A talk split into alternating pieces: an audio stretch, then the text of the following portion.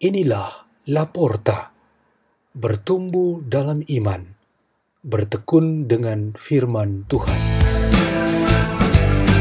Bersama tim Laporta, asuhan Peter Tukan, Imam Biarawan SDB, Salesian Don Bosco.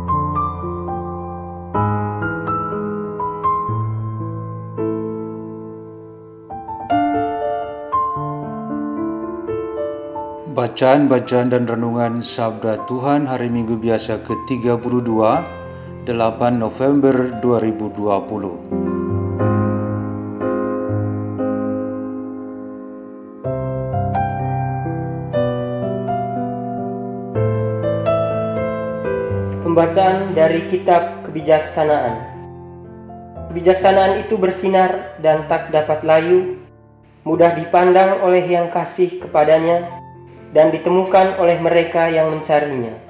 Ia mendahului memperkenalkan diri kepada yang menginginkannya.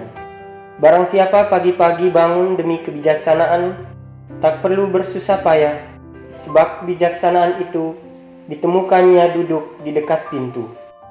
Merenungkan kebijaksanaan merupakan pengertian sempurna, dan siapa yang berjaga karena kebijaksanaan segera akan bebas dari kesusahan. Sebab kebijaksanaan sendiri berkeliling mencari orang yang patut baginya dan dengan rela memperlihatkan diri kepada mereka yang mencarinya.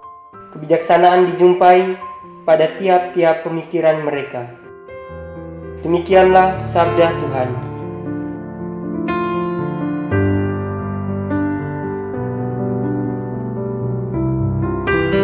Pembacaan dari surat pertama Rasul Paulus kepada jemaat di Tesalonika. Saudara-saudara, kami ingin agar kamu mengetahui tentang orang-orang yang sudah meninggal, supaya kamu jangan berduka cita seperti orang-orang lain yang tidak mempunyai pengharapan. Karena kalau kita percaya bahwa Yesus telah mati dan telah bangkit, maka kita percaya juga bahwa mereka yang telah meninggal dalam Yesus akan dikumpulkan Allah bersama dengan Yesus Hal ini kami katakan kepadamu, seturut sabda Allah ini. Kita yang hidup dan masih tinggal sampai kedatangan Tuhan, takkan sekali-kali mendahului mereka yang sudah meninggal. Sebab pada waktu tanda diberikan, yaitu pada waktu penghulu malaikat berseru, dan sangka kala Allah berbunyi, Tuhan sendiri akan turun dari surga, dan mereka yang meninggal dalam Kristus Yesus akan lebih dahulu bangkit. Sesudah itu, kita yang hidup dan masih tinggal akan diangkat bersama-sama dengan mereka dalam awan menyongsong Tuhan di angkasa. Karena itu, hendaklah kamu saling menghibur dengan perkataan-perkataan ini. Demikianlah sabda Tuhan.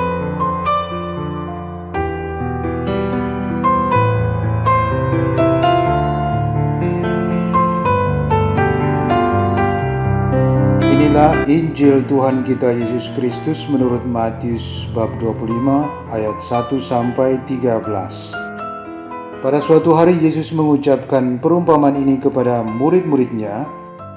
Hal kerajaan surga itu seumpama sepuluh gadis yang mengambil pelitanya dan pergi menyongsong mempelai laki-laki. Lima di antaranya bodoh dan lima bijaksana. Yang bodoh itu membawa pelita, tetapi tidak membawa minyak sedangkan yang bijaksana selain pelita juga membawa minyak dalam buli-bulinya. Tetapi karena mempelai itu lama tidak datang-datang, mengantuklah mereka semua lalu tertidur. Tengah malam terdengar suara berseru, mempelai datang, song-songlah dia. Gadis-gadis itu pun bangun semuanya lalu membereskan pelita mereka. Gadis-gadis yang bodoh berkata kepada yang bijaksana, Berilah kami sedikit dari minyakmu, sebab pelita kami mau padam. Tetapi yang bijaksana menjawab, Tidak, jangan-jangan nanti tidak cukup untuk kami dan untuk kamu. Lebih baik kamu pergi membelinya pada penjual minyak. Tetapi sementara mereka pergi membelinya, datanglah mempelai, dan mereka yang telah siap sedia masuk bersama dia ke dalam ruang perjamuan nikah, lalu pintu ditutup. Kemudian datanglah juga gadis-gadis yang lain itu dan berkata, Tuan, Tuan, bukakanlah kami pintu. Tetapi Tuhan itu menjawab, Sungguh aku berkata kepadamu, aku tidak mengenal kamu. Karena itu berjaga-jagalah, sebab kamu tidak tahu akan hari maupun saatnya. Demikianlah Injil Tuhan.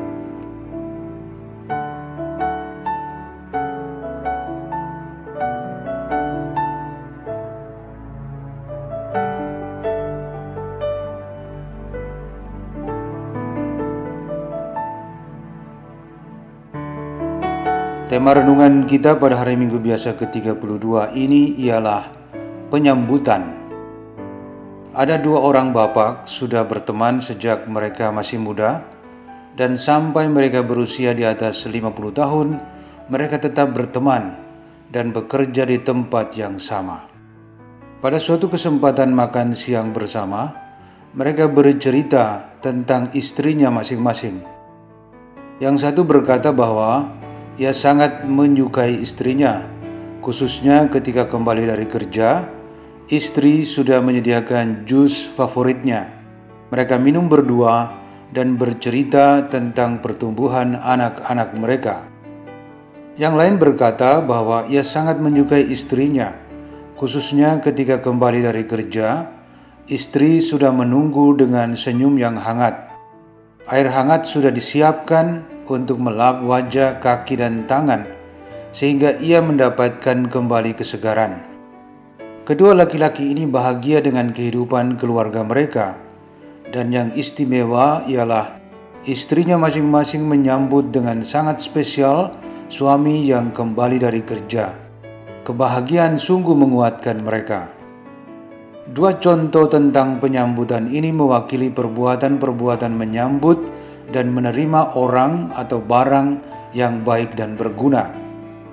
Tentu saja penyambutan seperti ini sangat berbeda dengan menyambut lawan atau musuh, protes, kritik, penghinaan, candaan, atau kutukan. Karunia atau pemberian yang baik dan berguna akan menjadi semakin berkualitas kalau disambut atau diterima dengan baik pula. Misalnya nasihat yang bijak akan menjadi indah sekali ketika diterima dengan baik untuk dijalankan sesuai maksud nasihat itu. Dalam relasi kita dengan Tuhan, Dialah yang pertama berinisiatif untuk datang kepada kita melalui berbagai macam tanda dan peristiwa. Tujuan Tuhan tentu selalu baik dan selalu berguna bagi kita.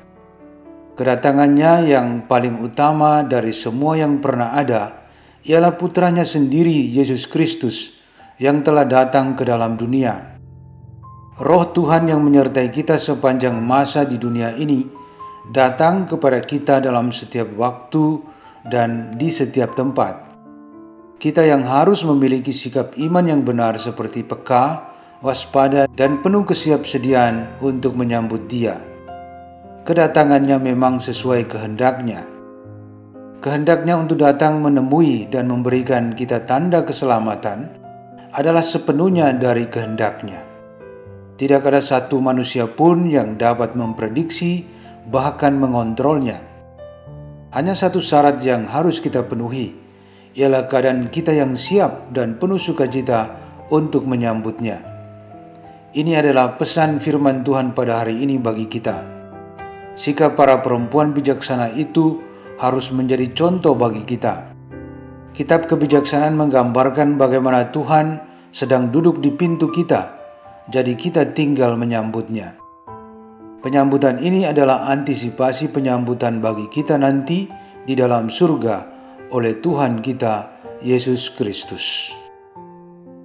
Marilah kita berdoa dalam nama Bapa dan Putra dan Roh Kudus. Amin. Ya Bapa, Buatlah kami selalu siap setiap saat dan bersuka cita untuk menyambut kedatanganmu. Bapa kami yang ada di surga, dimuliakanlah namamu. Datanglah kerajaanmu, jadilah kehendakmu di atas bumi seperti di dalam surga. Berilah kami rezeki pada hari ini dan ampunilah kesalahan kami. Seperti kami pun mengampuni yang bersalah kepada kami. Dan janganlah masukkan kami ke dalam pencobaan, tetapi bebaskanlah kami dari yang jahat. Amin. Dalam nama Bapa dan Putra dan Roh Kudus. Amin. La porta, la porta. la porta.